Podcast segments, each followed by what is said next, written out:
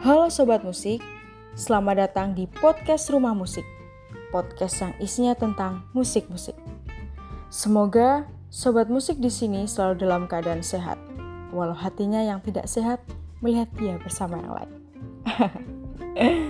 Oke, okay. untuk perkenalan awal nih tentang musik. Musik adalah hal yang tidak bisa jauh dari diri kita.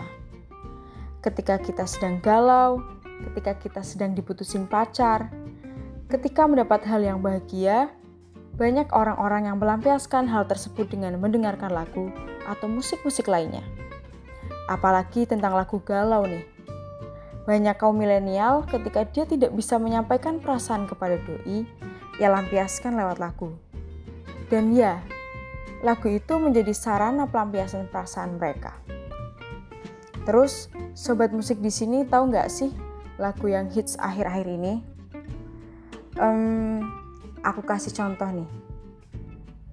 Mungkin sobat musik ini sudah tidak asing lagi dengan dua musisi ini.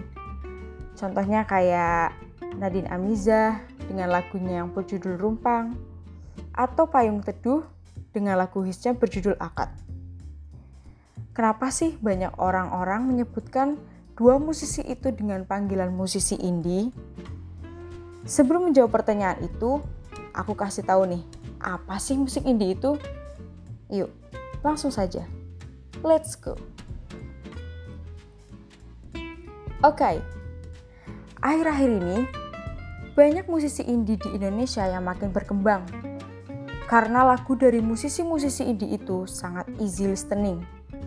Bisa kita lihat dari lirik-lirik lagu yang diciptakan pun banyak menggunakan bahasa kiasan jadi, indie singkatan dari kata independen, yaitu sifat-sifat yang mandiri, bebas, dan merdeka. Dalam dunia musik, indie berarti melakukan do-it-yourself approach saat melakukan rekaman dan publishing. Dan tak jarang, musisi indie mendirikan label mereka sendiri untuk melakukan rekaman dan publishing tersebut. Hal ini menjelaskan bahwa memang musisi indie bergerak untuk promosi secara mandiri tanpa bantuan dari label rekaman besar. Indie awalnya juga digunakan untuk membedakan antara musisi independen dan musisi yang lain yang terikat label-label besar. Jelas, indie itu bukanlah genre. Namun, gerakan mandiri musisi tersebut mulai dari recording hingga publishing dilakukan secara sendiri. Namun, kata ini dapat menjadi tambahan deskriptif pada suatu genre, menjelaskan perbedaan antara aspek musik dan aspek bisnis dalam musik. Misalnya nih, indie rock, indie pop, indie rap, dan lain-lain. Dan musisi indie juga biasanya menciptakan lagu sesuka mereka, tidak mengikuti tren pasar. Maka tidak jarang lagu-lagu karya musisi indie dapat dibilang unik dan berbeda dengan lagu kebanyakan. Terus, siapa aja sih musisi indie yang ada di Indonesia?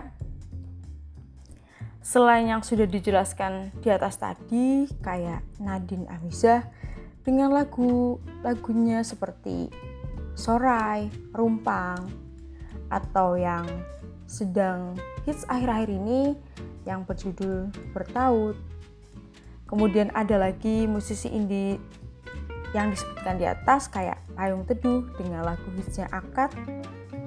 Ada juga musisi indie yang lainnya seperti Banda Naira dengan lagu terkenalnya berjudul Sampai Jadi Debu. Kemudian ada Moka dengan lagu lirik Inggrisnya berjudul I Remember.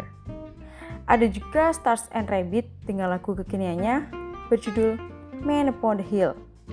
Dan satu lagi nih, Mungkin banyak remaja-remaja sekarang yang sangat menggemari salah satu musisi indie ini, yaitu Danila Riyadi. Ya, Danila Riyadi adalah salah satu musisi indie yang banyak digemari oleh kalangan remaja. Stylenya yang berbeda dengan musisi-musisi yang lainnya membuat banyak remaja mengagumi dirinya. Entah ketika manggung, atau mungkin dengan penciptaan lirik-lirik lagunya yang menggunakan yang banyak menggunakan bahasa kiasan. Dan salah satu lagu yang terkenal Itu ada berjudul Senja di Ambang Pilu. Oke. Itu dia podcast episode 1 tentang musisi indie. Sampai jumpa di episode selanjutnya. Podcast Rumah Musik, podcast yang isinya tentang musik-musik. Bye.